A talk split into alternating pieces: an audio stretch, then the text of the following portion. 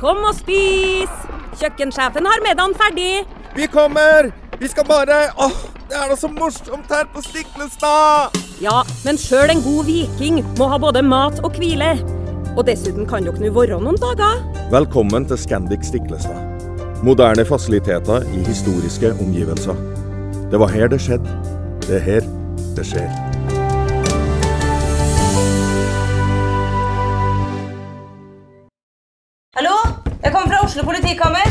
Ine Jansen er purk. Er du purk? The motherfucking bitch. Alt jeg vil, er å finne ut hva som skjedde med mannen min. Jon Carew. Er jeg sikta for noe? Iben Akeli. Det er du. Ole So, Lars Berrum og Big Daddy Karsten. Hvem sin side er du på, egentlig? Anette Hoff, Tone Danielsen, Kommer du fra Afrika? Jørnis Josef, Nesten kløfta. Trond Espen Seim, Det er synd å si det, men det var feil mann som døde. Purk. Premiere tirsdag på TV2 Play.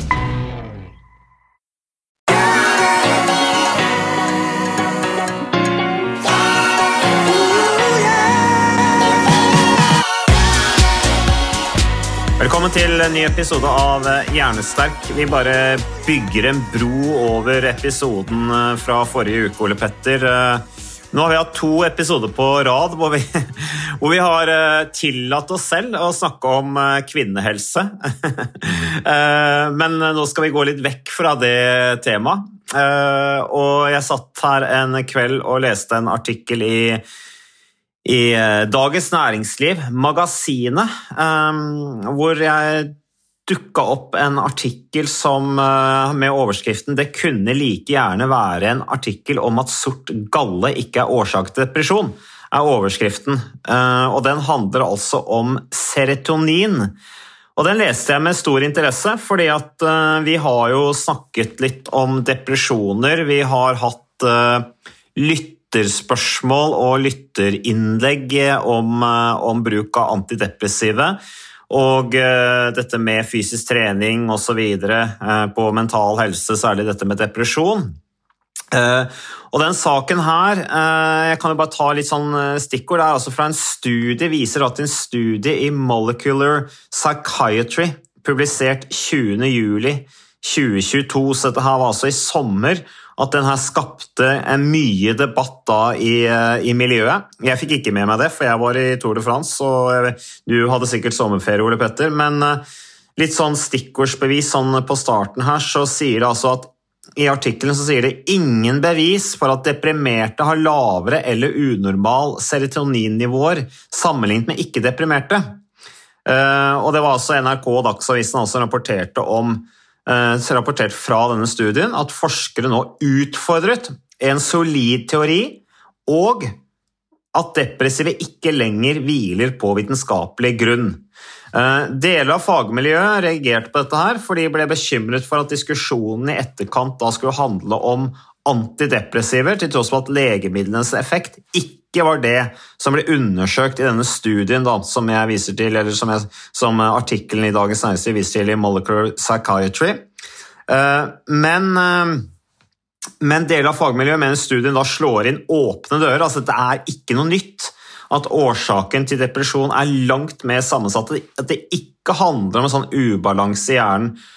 Eh, Og Reaksjonene på studien viser at det er et gap mellom hva forskere og fagmiljøet vet, og hva offentligheten tror om depresjonens bakenforliggende mekanismer. Um, og denne fortellingen om kjemisk ubalanse og serotoninmangel er først og fremst en fortelling som viser, som viser seg logisk og praktisk å argumentere med for leger og legemiddelskapen. Eh, Vi er blitt ført til å tro at det er en sammenheng mellom depresjon og serotonin, eh, eller ubalanse i serotoninnivået, og at legemiddelindustrien må ta sin del av ansvaret for denne serotoninhypotesens popularitet. Da.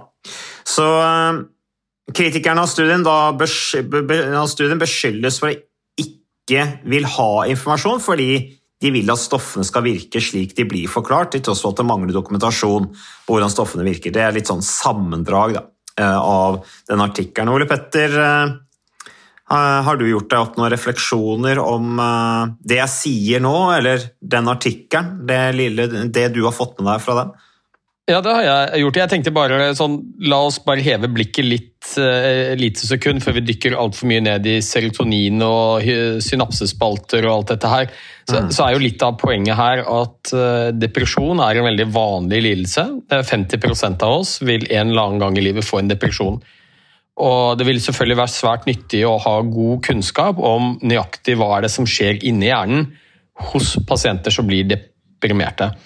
Mm. Og det er nok veldig mange som tror at vi i dag i 2022 vet nøyaktig hva som skjer inni hjernen hos deprimerte.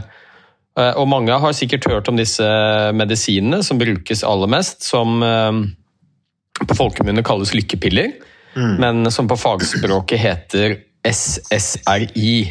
Altså Selective Serotonin Reuptake Inhibitors. Det er rett og slett legemidler som øker mengden av et kjemisk stoff som heter serotonin i kontaktpunktene mellom nervecellene. Eh, Og hypotesen er rett og slett eh, at på 1950-tallet så ble det laget noen legemidler som eh, ble testet på pasienter som hadde tuberkulose. Eh, Og disse legemidlene eh, de viste seg at de hadde fint liten effekt på tuberkulosen. Det hjalp ikke på infeksjonen i det hele tatt. Men som en litt sånn kurios eh, bivirkning så viste det seg at veldig mange av pasientene i forsøkene fikk veldig godt humør. Ja. ja. Altså, De fikk rett og slett betydelig bedret stemningsleie. Det var en bivirkning da, eh, som forskerne syntes var veldig interessant. Og så viste det seg da at eh, disse legemidlene utøvde sin hovedeffekt ved å øke mengden serotonin i kontaktpunktene mellom nervecellene. Derav kom denne hypotesen som lever, eller iallfall har levd, i beste velgående i dag, som sier at eh, depresjon skyldes for lite serotonin i kontaktpunktet mellom nervecellene. Eh, og den uh, hypotesen, og en hypotese er jo noe som vi skal teste, det er det vi tror kan være en god forklaring på f.eks. en sykdom, men det er ikke bevist. Um, men denne hypotesen har stått så sterkt i så mange år at jeg tror de fleste, også de som jobber i helsevesenet, sier at ja, depresjon skyldes mangel på serotonin i kontaktpunktene mellom nervecellene. Det er aldri vist i noen studier i det hele tatt. Eh, Det nærmeste man kommer å styrke hypotesen, er at legemidler som øker mengden serotonin, de viser seg å ha en antidepressiv effekt. Eh, Og denne hypotesen ble ytterligere forsterket når de første legemidlene mm, kom på markedet, som helt selektivt økte bare mengden av serotonin. Og mange har sikkert hørt om det. det legemiddelet kom, ble godkjent i 1986. Kom i 1987 i USA og het Prozac. Eh, Og har blitt et sånn kultfenomen i USA. Altså det ble i løpet av veldig kort tid verdens mest solgte legemiddel. Det ble omsatt for 350 millioner dollar det første året det var på markedet.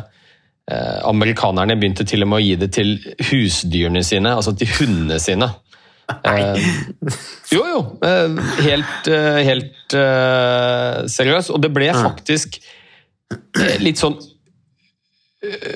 hva skal vi si for noe miljøutfordringer med det i USA også. Altså, disse legemidlene ble brukt så mye da de kom på markedet mot depresjon, at de infiltrerte jordsmonnet. og Jeg skal forklare hvorfor. og Det er fordi at når du tar den Prozac, så eh, skilles det ut avfallsstoffet gjennom urinen din. Dvs. Si at du tisser det ut. Og det var så store mengder amerikanere som brukte Prozac at dette avfallsstoffet som amerikanerne da tisset ut gjennom urinen, det infiltrerte jordsmonnet og gikk ut i elver og vassdrag. Um, og det var faktisk forskere som drev og forsket på reptiler, bl.a. alligatorer og andre, andre dyr, hvor de så at en del av disse eh, dyrene som har en veldig sånn tydelig angrepsrespons og, og fort eh, blir ag aggressive når de blir truet, de hadde en veldig spesiell oppførsel. De var nærmest helt sånn apatiske når de ble konfrontert med en fiende. Mm. Og Forklaringen var rett og slett at eh, en del av disse dyrene hadde fått i seg disse eh, nedbrytningsstoffene fra Prozac eh, og ble rett og slett litt sånn apatiske og li like, likegyldige. Ja, flate, som vi har Flate. snakket om også i tidligere. mm, Ja, så det vi ser nå, er jo at det er noen som utfordrer denne hypotesen. Da, at eh, det er ingen som har klart å vise at det er for lite serotonin i synapsespalten i, eh, hos de som er deprimerte. Altså er det sannsynlig at depresjon kanskje skyldes flere faktorer enn bare en mulig kjemisk ubalanse. Men her er det jo også dette med å skille mellom moderat og alvorlig depresjon. Tilbake til den artikkelen i Dagens Næringsliv her, som er det eneste jeg har å, å, å, å vise til når det gjelder uh, tema, uh, som jo var interessant, og er derfor det vi diskuterer her nå. Så er det også en ekspert i den artikkelen som sier at ja, hos dypt deprimerte er det tegn til at det frigjøres mindre serotonin. og Det har du også nevnt flere ganger, Ole Petter, at det er liksom, vi må skille veldig mellom mild depresjon og tung depresjon. For tung depresjon er veldig sånn uh, invalidiserende da, i forhold til en lettere mild depresjon. Og den eh, epidemien i gåsetegn som du beskriver fra USA her, når Prozac kom, det er jo da en overdreven forbruk av legemiddel som sannsynligvis eh, er et, overfor, altså er et overforbruk, enkelt og greit. Eh, det er en øh, Altså Ja, øh, hva er det man sier? Altså, du, du får en Altså, det er overdiagnostisering, da. Av noe som kanskje Som er egentlig ganske vanlig. At man føler seg til, i perioder litt deprimert, og at det er, det er det er ikke uvanlig, liksom. Det er noe alle må, må Nei, leve da, med. og dette er jo en tricky diagnose også, fordi at uh, det er jo en skjønnsmessig diagnose som stilles. Det er ikke noe blodprøve som uh, kan gi deg svar på om du er deprimert eller ikke. Det er uh, faktisk et spørreskjema når du kommer, kommer, til legen din, og det er visse kriterier som må være oppfylt for at du skal få diagnosen depresjon. Men det er jo en sånn glidende overgang. Hva er forskjellen mellom å ha det miserabelt og faktisk ha en depresjon? Det er jo mennesker som ikke oppfyller kriteriene for å få en klinisk diagnose på depresjon, men de kan allikevel føle at de har det relativt miserabelt i hverdagen. Mm. Så det er en glidende overgang, og så, og så, skiller vi gjerne mellom lett, moderat og alvorlig depresjon. Og det klart vanligste er jo lett til moderat depresjon. Og det er vel ingen hemmelighet eller noe kontroversielt å si at vi kanskje har, eller vi leger da, har hatt en tendens til å overmedisinere pasienter at vi medisinerer mot uh, livets oppturer og nedturer. Um, at det som kanskje tidligere ville blitt sett på som en, uh, å stå litt i stormen, det er ting som er vanskelig, kanskje er man litt nedstemt i perioder uten at man har gitt noen klinisk diagnose, det, det tyr man lettere til legemidler mot, uh, i dag. Mm. og legemiddelindustrien står jo veldig sterkt, og, og, mange av disse legemidlene mot det depresjon har jo blitt virkelig hardt markedsført. I, eh, I, Norge så er det ikke lov å markedsføre reseptpliktige legemidler mot pasientene. Da må man gå og markedsføre det mot legene. Men mm. i USA, som er verdens største marked, så er det jo annonser på TV eh, for disse legemidlene. Og, og, og ja, det har vært helt ekstreme salgstall på noen av disse antidepressive legemidlene. Ja. Eh, og så er vel Litt av poenget her at vi, vi, vet veldig godt at for de vanligste formene for depresjon, lett til moderat, så bør man nok vurdere ikke-medikamentell behandling i første omgang. Det kan være, som vi snakker mye om, fysisk aktivitet, bevegelse, som jeg tenker bør være eh, absolutt et eh, alternativ for de all, aller fleste. Mm. Det kan være samtaleterapi, som eh, selvfølgelig ikke har noen bivirkninger. Eh, og selvfølgelig også medikamentell terapi hvis det er behov for det. Eh, når det gjelder de dype depresjonene, så er det anbefalt å starte med medisiner. Mm. Så det er, det er, på en måte ikke noe enten-eller her. Men tror du ikke Ole Petter, at det er en del som på en måte ønsker seg en diagnose òg? Altså, nå er vi litt tilbake til det du snakket om liksom med, med, hvor det var dette overforbruket, og at eh, vi ja, Det har vært diskusjoner her i Norge også, det er noen år siden riktignok, men dette her om at det brukes kanskje vel mye lykkepiller i gåstein. Eh, for det er jo egentlig ikke en lykke De gjør deg ikke lykkeligere, det gjør deg bare flatere rent humørmessig, som vi har snakket om tidligere også. Men det var inne på at det er en del som ønsker diagnosen fordi at de er i dagens samfunn, eller i samfunnet kanskje, så er det en forventning om at vi skal være lykkelige.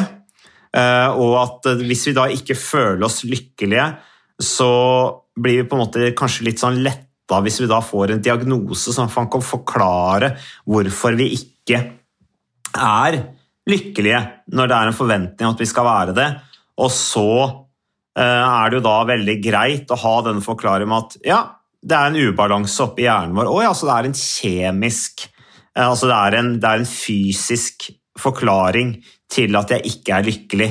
Eh, og det er, det er, det er ikke fordi at jeg er på en måte gæren eller liksom det fei, at jeg er noe det er noe rart med, meg, men det er sånn som kan skje. Liksom. Det er naturlig, og da tar jeg disse tablettene, for da får jeg det tilbake i naturlig balanse. Det er jo sånn, det er jo liksom, tenker jeg, liksom befriende forklaring, da, som liksom mange kan sikkert leve med det. Liksom. Det, er, ja, det er logisk liksom, å ta de tablettene, og så er jeg normal igjen. Hva tenker du om det? Er jeg helt ja, ute på jorda? Hvis du forstår hva jeg snakker om. ja, jeg, jeg, tror jeg forstår hva du snakker om. Eh, dette at noen har en ønske om en diagnose. Jeg tenker jeg skal si litt om det, eh, men jeg tror dette er en del av et litt større bilde. Mm. Og det er jo samfunnstrenden. Som, eh, som, går veldig i retning av økende diagnosesetting. Vi leger vi har et sånn diagnosesystem, dvs. Si diagnoser som vi setter på pasientenes symptomer. og De har koder. Og De kodene er viktige, bl.a. for sosiale rettigheter, sykepengerettigheter, mm. eh, kartlegging av hvilke sykdommer som er vanligst i Norge osv. Eh, og, og bare Ukas annonsør det er HelloFresh. Og uh, hvis du nå går inn på hellofresh.no og bruker koden 'fresh hjerne', så kan du få opptil 1779 kroner rabatt på da de fem første matkassene dine hvis du ikke har prøvd Hello Fresh enda. Og Ole Petter, vi er jo glad i Hello Fresh i podkasten Jernsterk, selvfølgelig fordi at de er en annonsør. De er med og bidrar til å spre det glade ordet om fysisk aktivitet og god helse. Men i tillegg så har jo vi også nå lang erfaring med Hello Fresh eh, selv. Så vi må jo si at det har vært gode erfaringer til nå. Ja, absolutt. Visste du Mats, at HelloFresh er faktisk verdens ledende matkasseleverandør? Og tilbudene til HelloFresh gjør det enkelt å lage gode og varierte retter som skaper matglede. Og matglede vet du, det er like viktig som hva du putter i munnen. Det å spise mat med folk du trives med. Så gjennom 25 nye og inspirerende retter hver uke så bidrar HelloFresh til dette. Du kan bestille ekstra porsjoner om du får gjester, eller hoppe over uke hvis du f.eks. skal bort. Mm. Og Det er ingen bindingstid, og du velger leveringstidspunkt og dag selv, så leverer Hello Fresh matkassen din akkurat når det passer deg. Ikke dårlig, Mats. Nei, det er veldig bra. Så, eh, og dette er med enklere hverdag, det kan jeg nå skrive under på. For nå, forrige erfaring vi hadde forrige uke, Ole Petter, det syns jeg var Det var jo et gjennombrudd eh, for familien Kaggestad. For da lagde rett og slett barna de lagde middag og serverte middagen, så den var ferdig laget og servert da når eh, min kone Marita og meg kom hjem fra jobb. Og jeg mener Det var jo bare helt utrolig. Eh, det var helt fantastisk. Det ble en nydelig middag. Riktignok de, de, de, de roter og søler litt, det gjør de. Så, men, men, maten ble veldig god. De var veldig stolte over å kunne å ha både laget og servert maten, så det var helt fantastisk. Så vi har jo da i siste så har vi eh, spist eh, bl.a.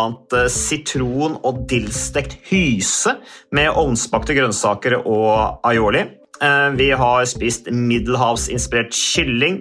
Taco, så finnes det mange ulike typer taco. F.eks. vietnamesisk taco, som vi har spist. Thailandsk vegetargryte. Veldig riktig og sunt uh, i dagens uh, samfunn med, med, fokus på bærekraft. Hvitløk og chilistekte reker i spagetti, det var definitivt en vinner. Så det er så flott. Du får rimelig mat ved at du kun betaler for det du trenger, så det blir ordentlig feststemning med Hello Fresh. Det gjør det, og nå er det bare for deg å gå inn på hellofresh.no og bruk koden FRESH gjerne.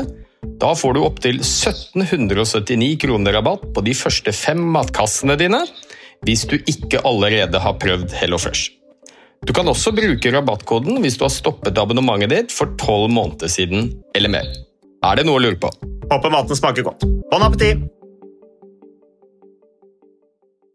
I løpet av de siste 20-30 årene så er det tre ganger så mange eh, diagnoser du, i disse diagnosesystemene. Det kommer stadig vekk nye diagnoser.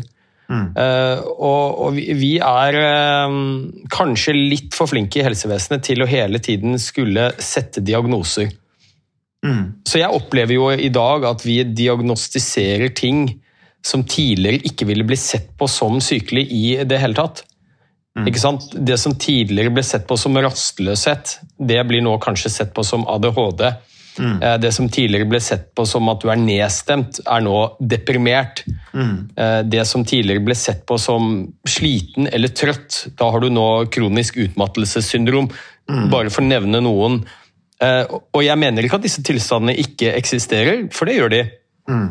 Men, men det er et sånn push mot å, å stille diagnoser. Eh, og jeg kan jo nevne at selvfølgelig er det sånn på sykehus også, så er det jo sånn at eh, diagnosen er det som utløser penger til sykehusene. Eh, og noen diagnoser utløser mer refusjon fra det offentlige enn andre. Eh, diagnoser er viktige hvis du skal inn i Nav-systemet. Da er det noen diagnoser som kvalifiserer til sykepenger og sosiale rettigheter, mens andre ikke gjør det.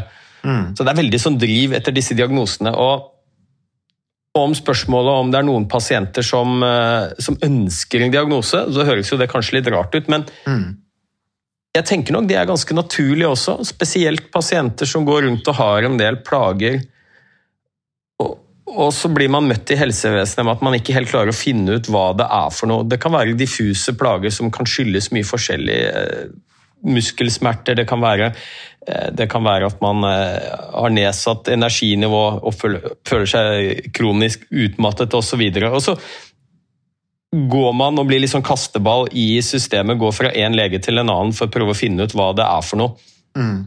Og det er selvfølgelig veldig tøft. Så jeg har jo en del pasienter som når de endelig man finner ut hva det faktisk er som feiler dem, så føler de seg veldig lettet. Selv om det kanskje kan være en alvorlig diagnose også. Bare det å vite hva det er for noe, ha noe å forholde seg til. Ha noe du kan fortelle menneskene rundt deg hva som feiler deg. Istedenfor å si at nei, nå har jeg gått til ti forskjellige leger og de finner ikke ut hva det er for noe. Da er det en del pasienter som opplever at de ikke kanskje blir trodd og tatt på alvor, og at legene da mener at ja, dette er bare noe psykisk i eh, anførselstegn. Så um, for mange så vil det nok være betryggende og, og litt fint også å få en diagnose. Men tilbake til depresjon, da. Så I den uh, Dagens Næringsliv-artikkelen her, tilbake til den igjen, så, står det, så refereres det til at studier uh, i studier har antidepressiver vist bare litt bedre effekt enn placebo mot depresjon, står det her.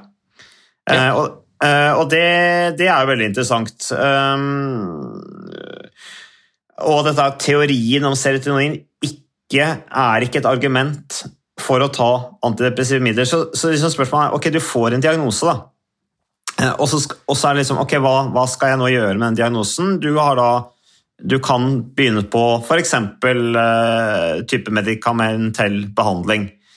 Men, men spørsmålet er liksom om det gjør deg bedre. Altså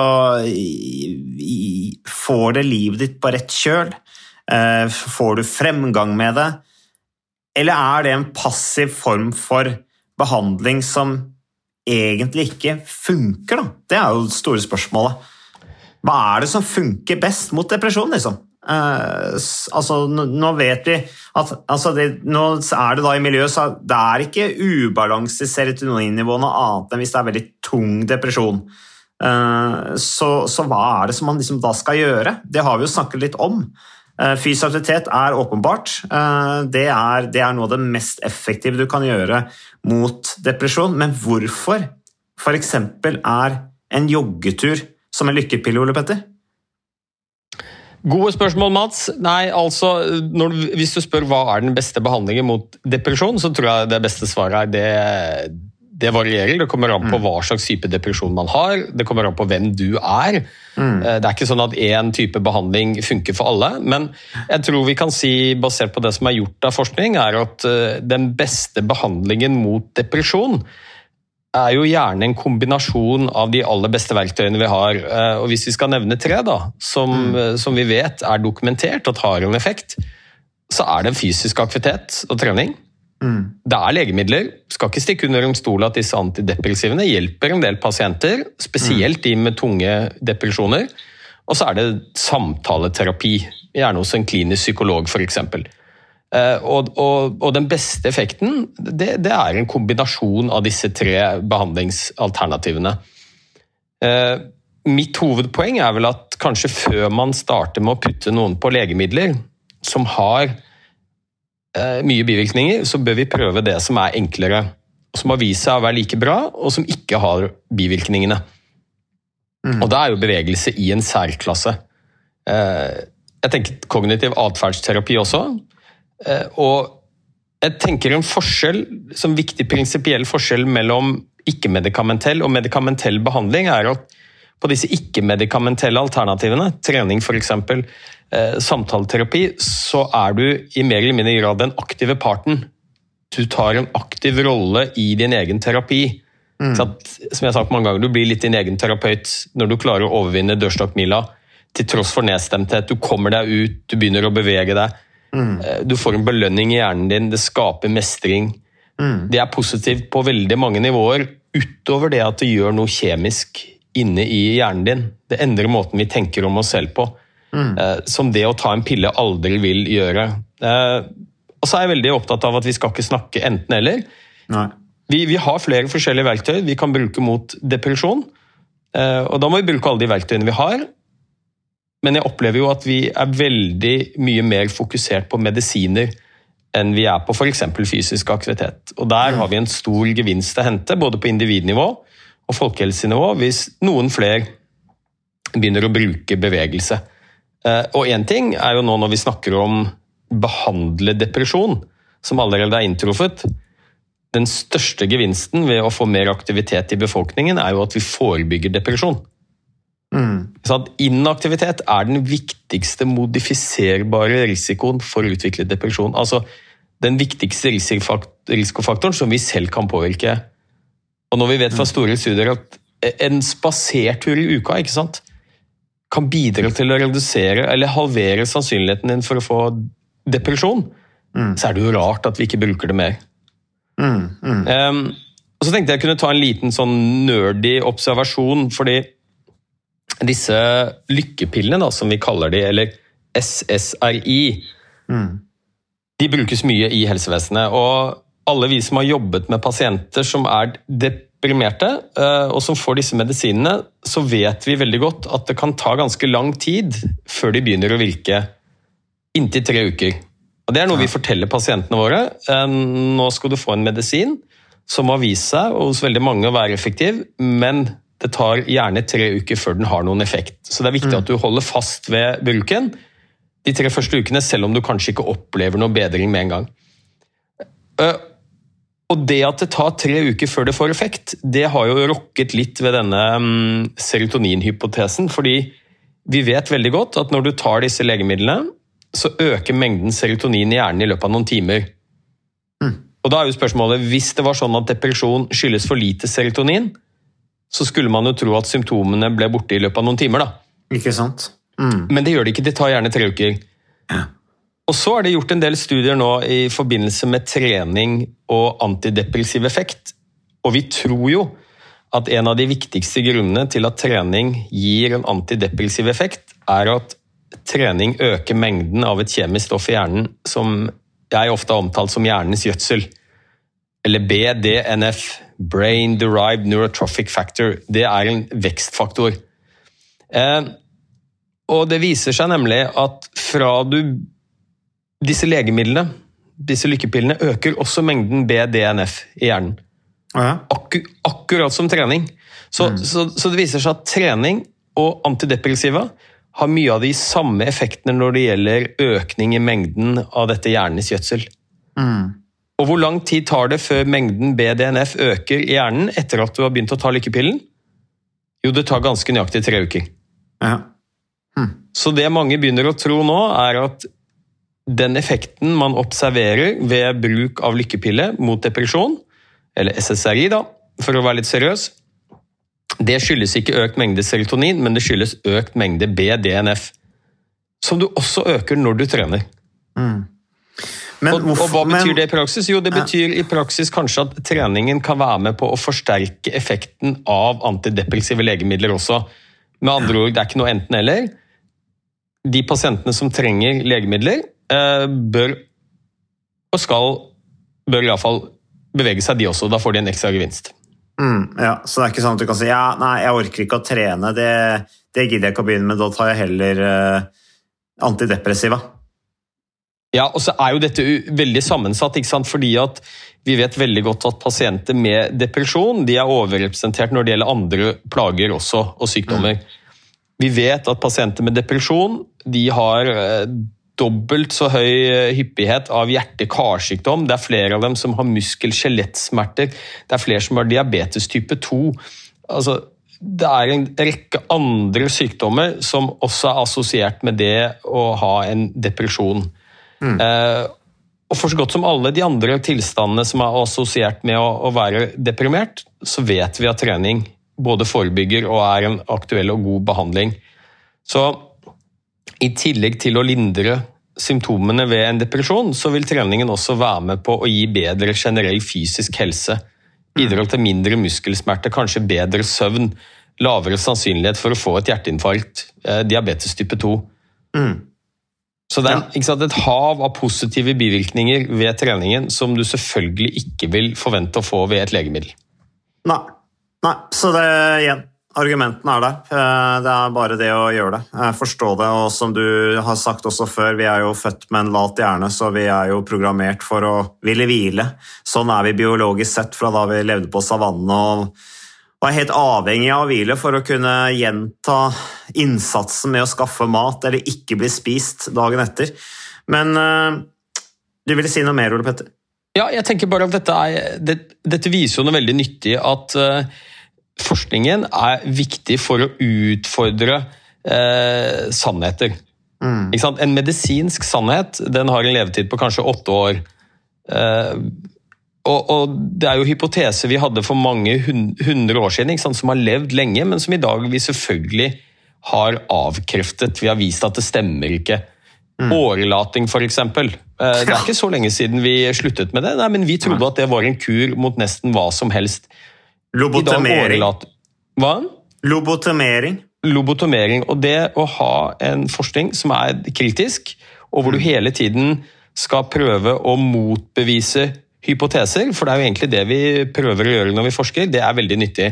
Mm. Så dette er jo et eksempel på at en hypotese som har fått skikkelig god grobunn, eh, og som bl.a. har bidratt til vanvittige inntekter for legemiddelindustrien, nå blir eh, ut, utfordra. Og det er kjempebra. Og det viser at vitenskapen funker. Ja, det er bra. Ellers var det én ting som også står i artikkelen her helt på slutten. Det er det at uh, dette med hva er det som hjelper mot depresjon. Uh, og der er det siste punktet her er relasjoner er sannsynligvis det viktigste mot depresjon, men så står det men vi vet ikke hvorfor. så Nei. Nei, det er jo et eh, Men ikke sant, også, her er, jo, er det jo også mye hyp- hypotese. Problemet er jo at dette er vanskelig å måle. Mm. Og, og jeg tror vel på et intuitivt nivå eh, det ikke er så veldig vanskelig å se for seg at det å ha gode og nære relasjoner til menneskene rundt deg, det forebygger en depresjon. Og vil bidra til å lindre en depresjon hvis du først får en. Det å ha mennesker rundt deg du stoler på, du kan gå til når det stormer litt rundt deg. eh, Det er ikke vanskelig å skjønne at det virker beskyttende mot depresjon. Eh, Og her har vi jo også noen hypoteser, og det handler jo om at hvis du snur litt på hodet, da, hvis du mangler sosiale relasjoner og, og kanskje er ensom, som iallfall 20% av befolkningen til enhver tid sier at de er, så, um, så skaper det en kronisk stressreaksjon inne i hjernen din. eh, Hvor vi skiller ut en del kjemiske stoffer som absolutt ikke er bra for eh, vår mentale helse og humør. Så um, og vi vet at når vi har gode relasjoner med menneskene rundt oss, så er det også en del kjemiske stoffer som skilles ut, som bidrar til å løfte humøret vårt. Blant annet serotonin. Jeg tenker det var siste ord eh, i denne episoden av podkasten Hjernesterk. Ole Petter. Tusen takk. Det var eh, mye bra innsikt her, eh, og litt artig å ta opp det som står i mediene, og bruke det også. Kudos til Dagens Næringsliv, som kom med en sånn flott artikkel som da tester hypotesen om eh, ubalanse i serotoninnivå. Takk for at du lytter på podkasten Hjernesterk. Takk til deg, Ole Petter. Takk til våre samarbeidspartnere, bl.a. Moderne Media.